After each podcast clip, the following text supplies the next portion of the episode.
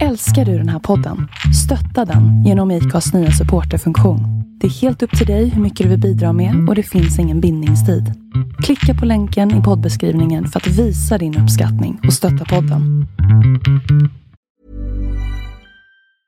I'm Sandra, and I'm just the professional your small business was looking for. But you didn't hire me because you didn't use LinkedIn jobs. LinkedIn has professionals you can't find anywhere else, including those who aren't actively looking for a new job but might be open to the perfect role, like me.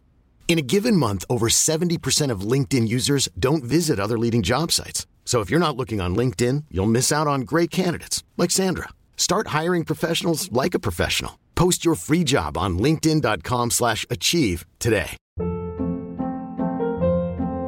Hold up. What was that? Boring. No flavor. That was as bad as those leftovers you ate all week. Kiki Palmer here, and it's time to say hello to something fresh and guilt-free. Hello Fresh. Jazz up dinner with pecan-crusted chicken or garlic butter shrimp scampi. Now that's music to my mouth. Hello Fresh. Let's get this dinner party started. Discover all the delicious possibilities at hellofresh.com.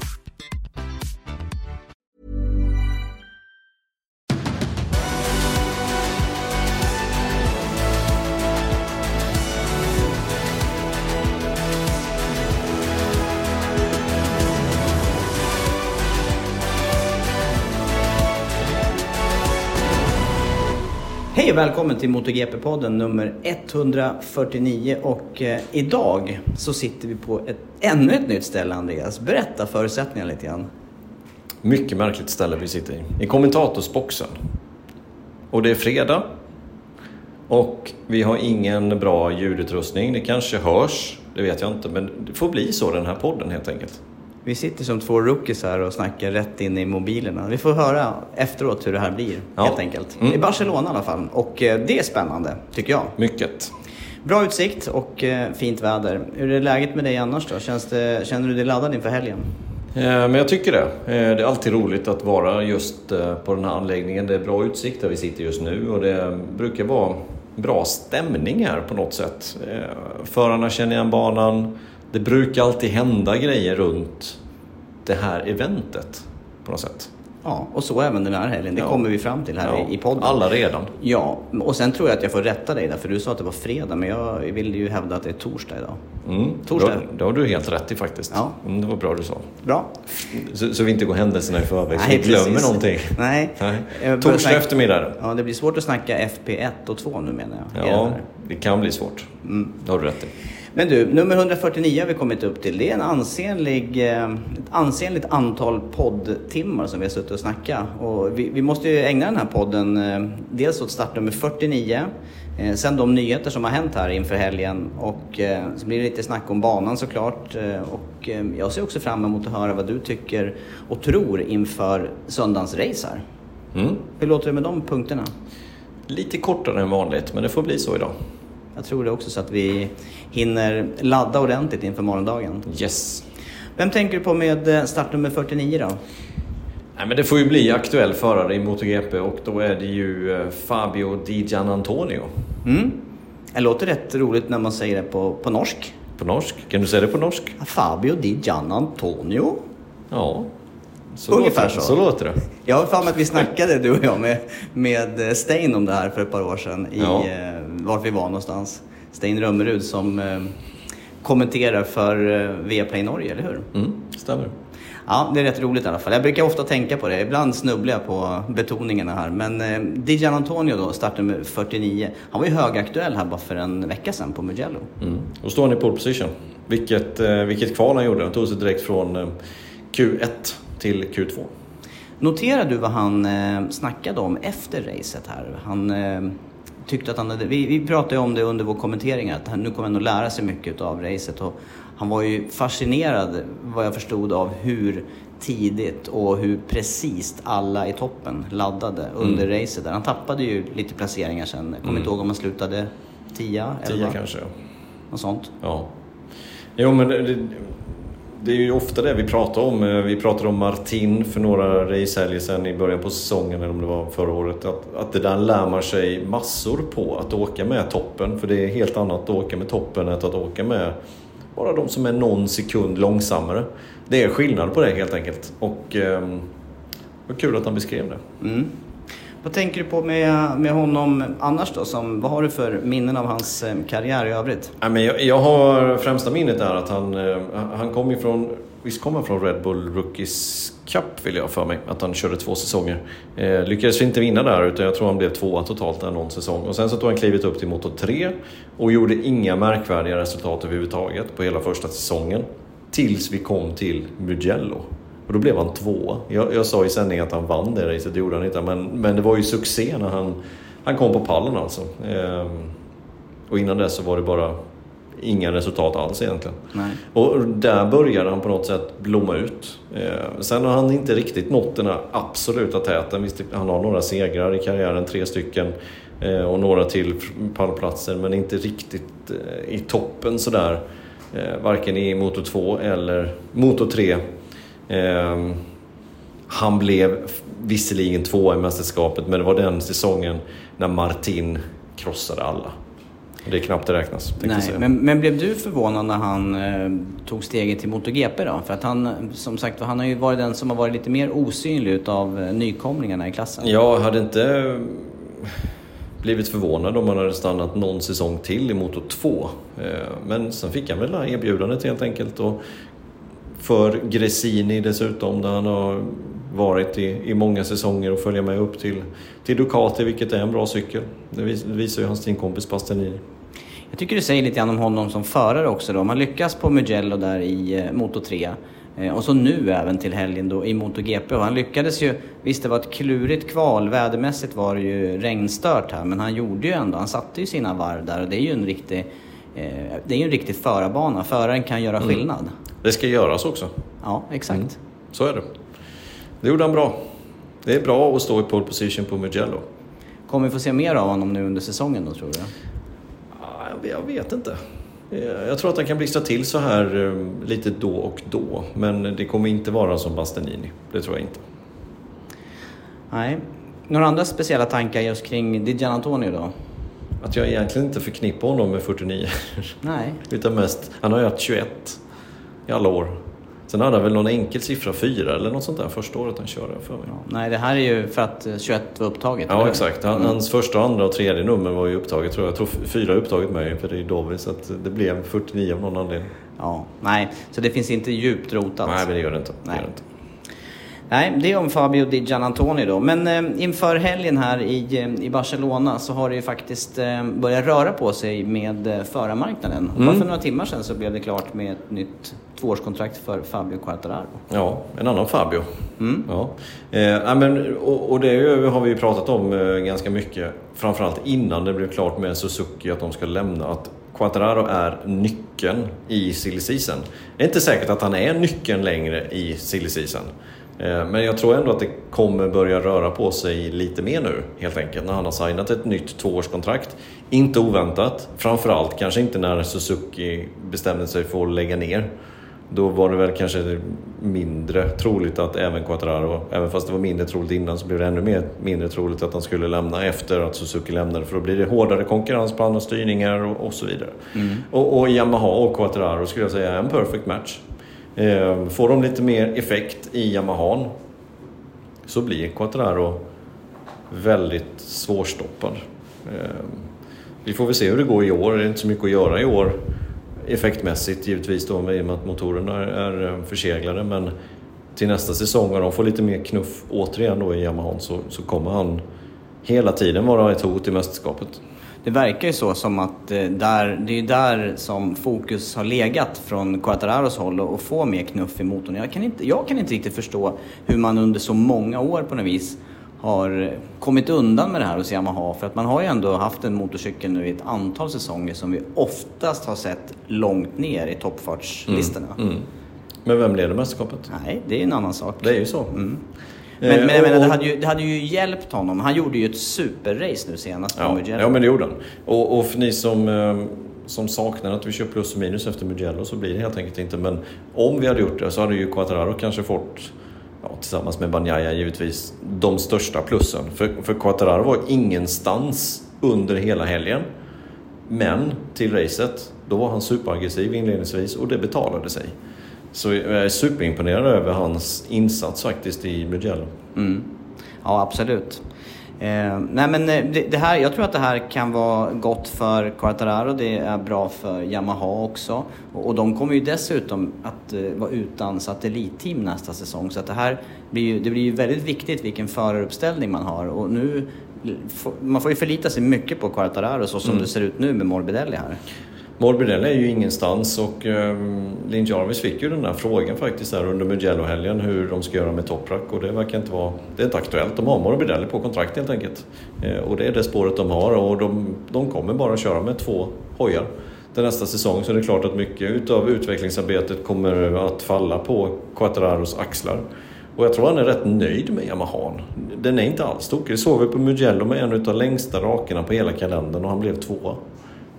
Det är klart att livet hade varit enklare om man hade haft lite mer toppfart.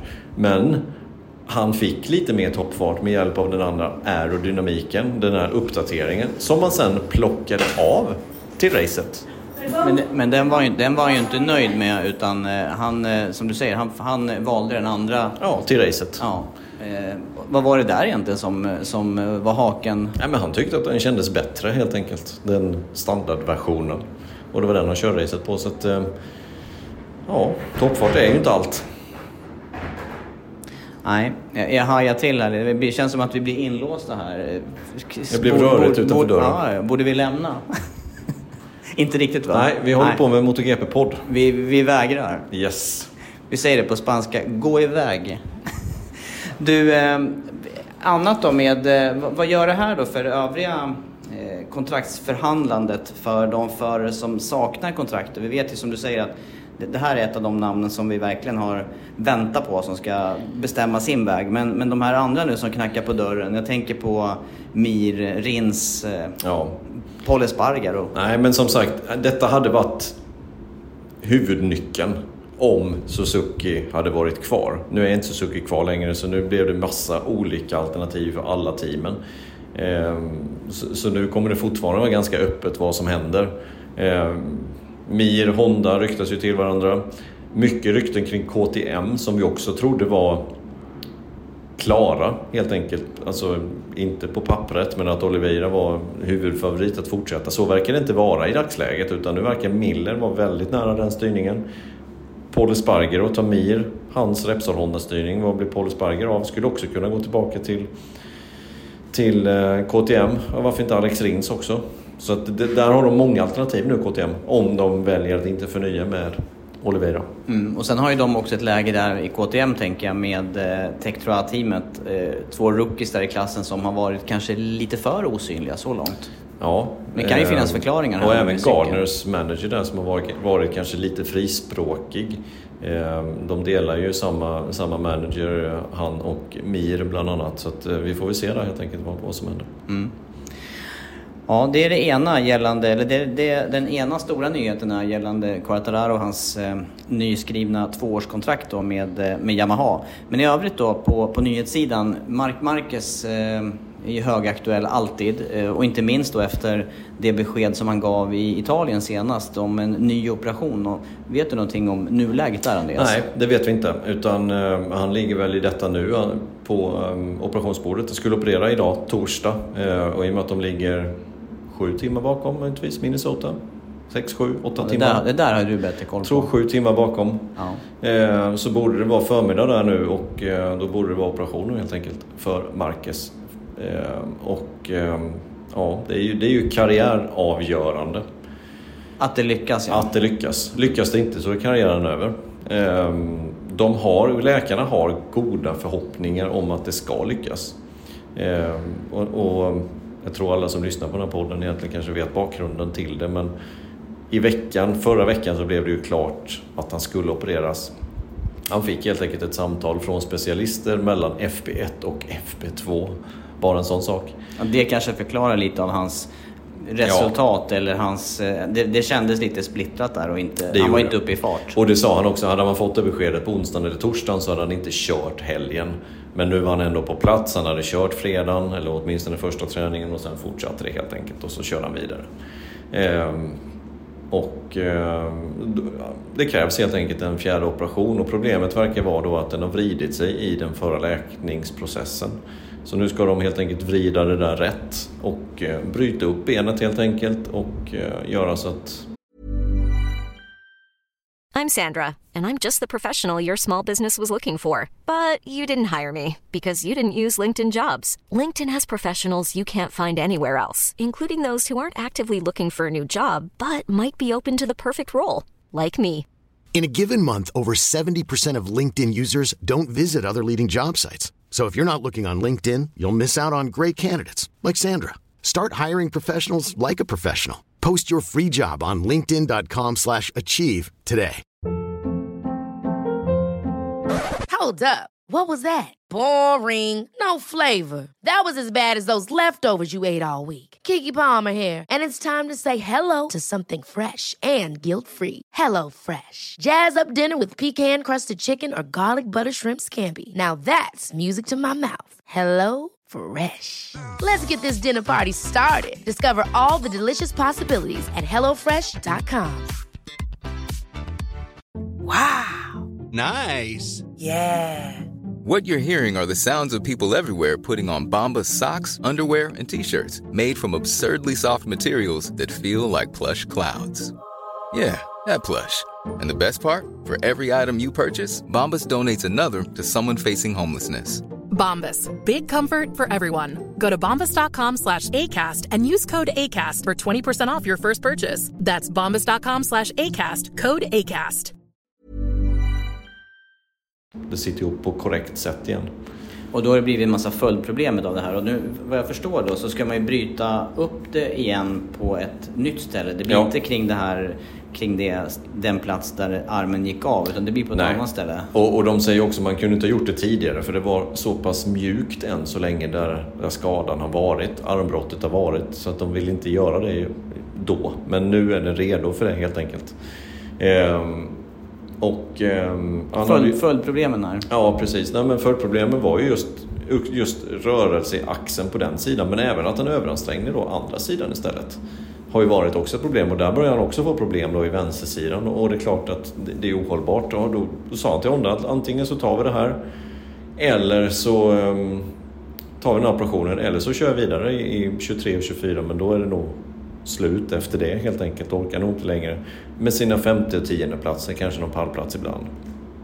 Och jag tycker stödet från Honda där är ju ganska bra ändå. Att, ja men kör, vi, vi väntar. Vi hoppas att det blir bra och så väntar vi.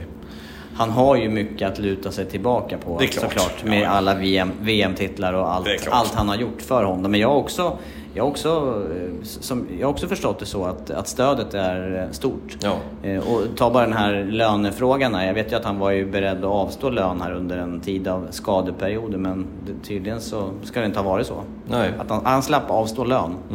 Bra Ja. sjukpenning. 25 miljoner per säsong ju. 25 miljoner euro per säsong. Men Ja. också ett extremt, en extremt tuff period i hans Ja, karriär. klart, och jag, jag tyckte man kunde se det här på just invarvet. Mugello senast här. Han tog Nej, men- sig lite extra tid. Ja, och han, han vet ju inte. Ingen vet om Mark Marquez kommer stå på startgriden igen. Det vet vi inte idag. Ehm, Den här operationen måste bli lyckad. Han måste kunna komma tillbaka och känna att det är värt att fortsätta själv. Det är det det handlar om. Han hade ställt två, två frågor till läkarna och, och den första var Tror ni på det här själva? Ja, fick han till svar. Nästa fråga var När tror ni jag kommer tillbaka? Frågar du den frågan, sa läkarna, så behöver du inte komma hit. Och, och med den mentaliteten är det. Detta är för att han ska få ett bättre liv. Och kan han komma tillbaka och köra hoj och vinna igen så är det ett plus.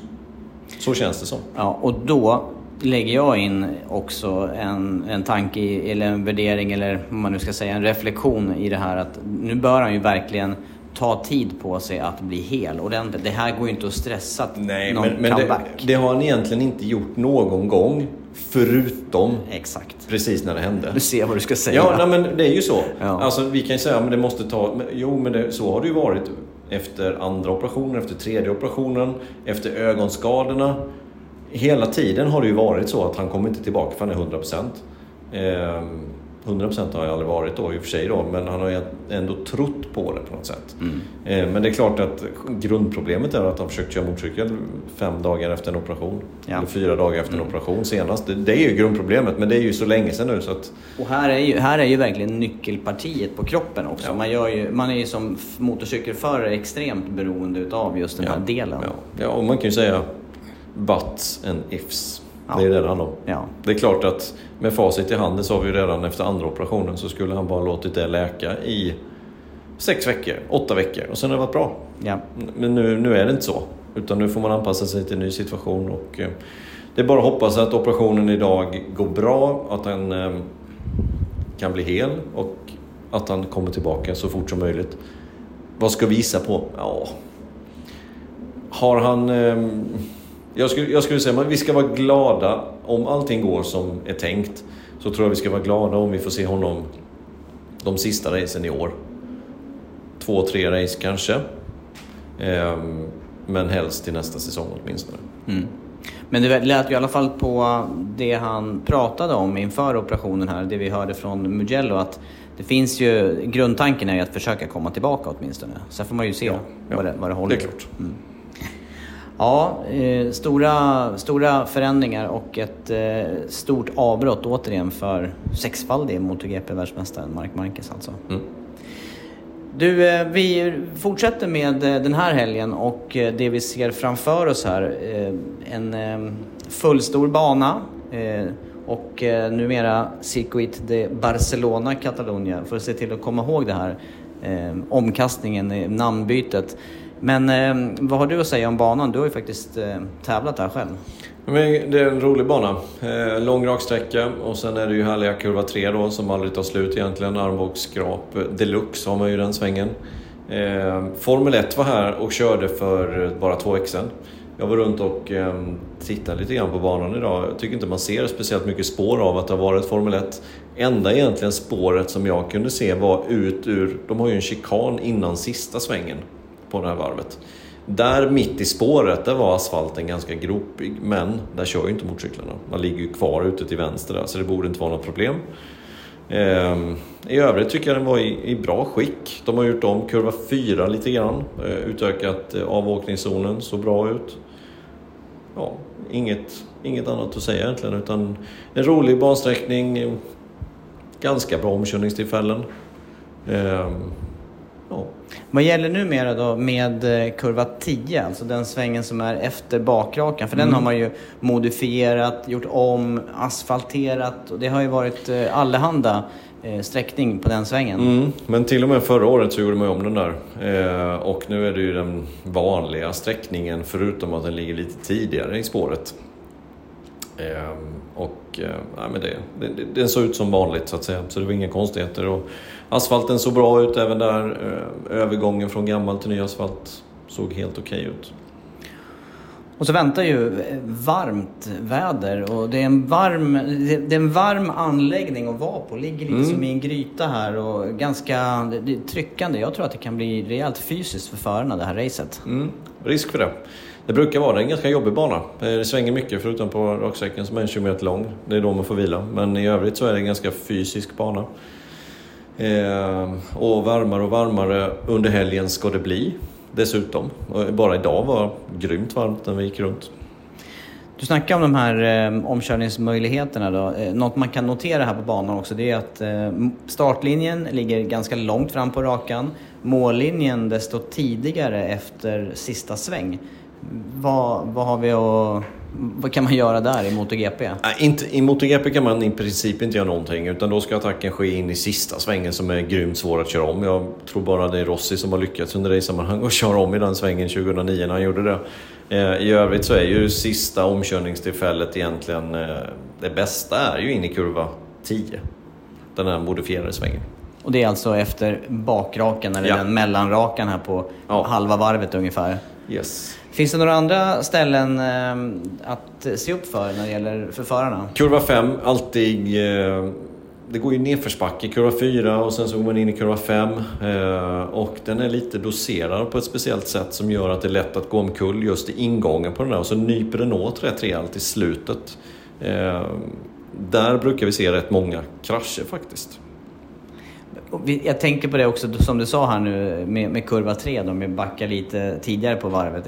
Är inte det, har inte du sagt det någon gång att det är en av dina absoluta favoritsvängar? Det är det faktiskt. För Ja. där, där kan man ha, man ligger hela tiden och letar efter fäste så det går ganska fort igenom svängen dessutom. Och så ligger man med armbågen i backen så det är en rolig sväng. Jag har eh, blandade minnen från den här banan. Dels har jag kört ett race för länge sedan i den här Boxer Cup-serien med BMW. Eh, Då kraschade jag faktiskt i, efter långa rakan och drog med mig en konkurrent också som inte var glad på mig. Nej, Eh, Det har jag inte gjort så ofta men den gången gjorde jag det i alla fall. ibland händer det. Ibland händer det. Och sen, eh, sen var det den här upplevelsen att åka Ducati med Just. Randy Mamola. Mm.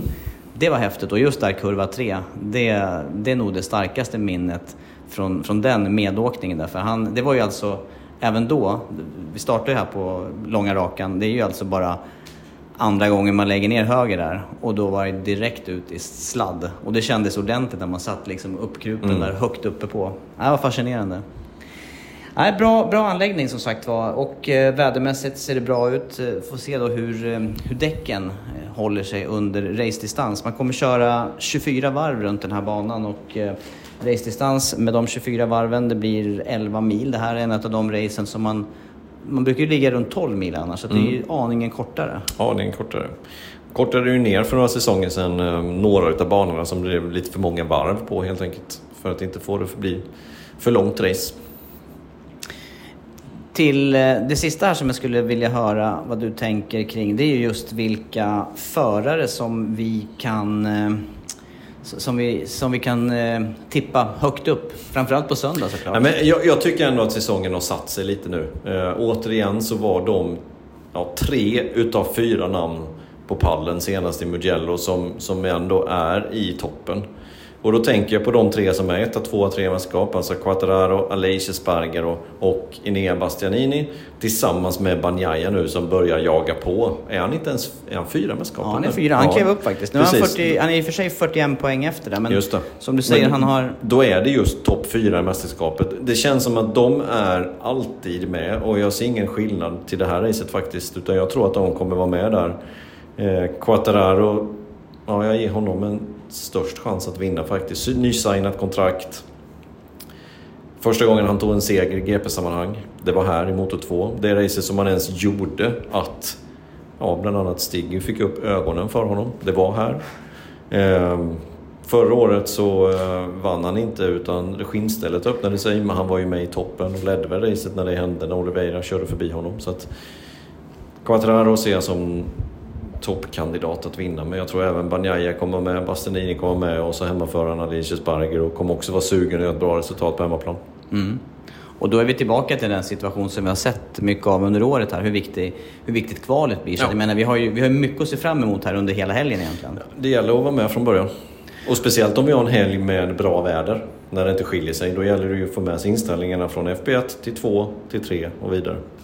Jag såg lite intressant statistik här faktiskt från, från förra racet eh, och det är just det här att det är fortsatt väldigt tätt tidsmässigt i, eh, i racen och det, det gör ju också att det kommer bli superviktigt redan från FP1 här att vara med från start. Det var faktiskt, eh, det, var faktiskt det sjätte tätaste racet i topp 15 där. Miller som var 15, den var 17 sekunder efter, efter segraren. Eh, Så att det höll ihop bra, fältet, på Ja. Mugello senast. Jag hoppas på en eh, tät och jämn söndag, men det har också varit ganska mycket dramatik här genom åren på, på den här banan. Mm, det har det varit. 2006 när det var årets startsmäll där nere. Ja, Det var ingen rolig. den var inte rolig när, när eh, Capirossi och Gibnau. just det. Pedrosa var det var ju då den här regeln om skyddet där för bromsgreppet kom fram. Ja. Men sen hade vi ju det här antiklimax när du och jag var på plats också. Ja, herregud. Vilken säsong var det? Det var bara några år sedan. Ja, det var ju första året eh, med eh, Repsol Honda för Lorenzo, så det borde blivit 19 då va? Då han strikade, Han körde Ducati 17-18, så 19 måste det ha varit. just det, för 18 vann han här på Ja, Ducatin. 19 var det då. På Repsol Honda när han bromsade omkull både Rossi, Vinales, sig själv och Dovi var det väl? Ja, det var ju, ja precis. De försvann ju Mm. De försvann SV. i första, andra varvet någonsin. Ja, ja. Nej, det var... Det var Marcus klarade sig precis där alltså. Det, var, nej, det blev antiklimax det racet. Ja, det blev det. Och det var så upplagt för en, en perfekt Exakt. helg. Men nu är det igen upplagt. Det, Ja, här, det- det, det, det ska bli väldigt spännande i alla fall att följa fortsättningen den här Ja. helgen. Något mer som du tänker att vi ska hinna med i podden här innan vi Eh, avrundar? Ja, missa inte... um, Vi är ju på plats här såklart, det har ni säkert förstått. Så missa inte studion 13.25. V-sport Motor via Play på söndag. Lite längre reportage utlovas med Alicia Sparger. Mm. Intressant att höra lite tankar från hans sida. Ehm, ja. Må- Det blev en kort podd idag, men det får bli det. Livepodd med telefoner dessutom. Ja, vi har haft för tjocka program här och hinna, Mm. hinna på plats och hinna uträtta viktiga saker under dagen här på banan. Mm. Ja, men vi, vi avrundar med det här och så eh, drar vi igång sändningarna redan imorgon. Mm. Och, 9.45 precis som vanligt. Ja.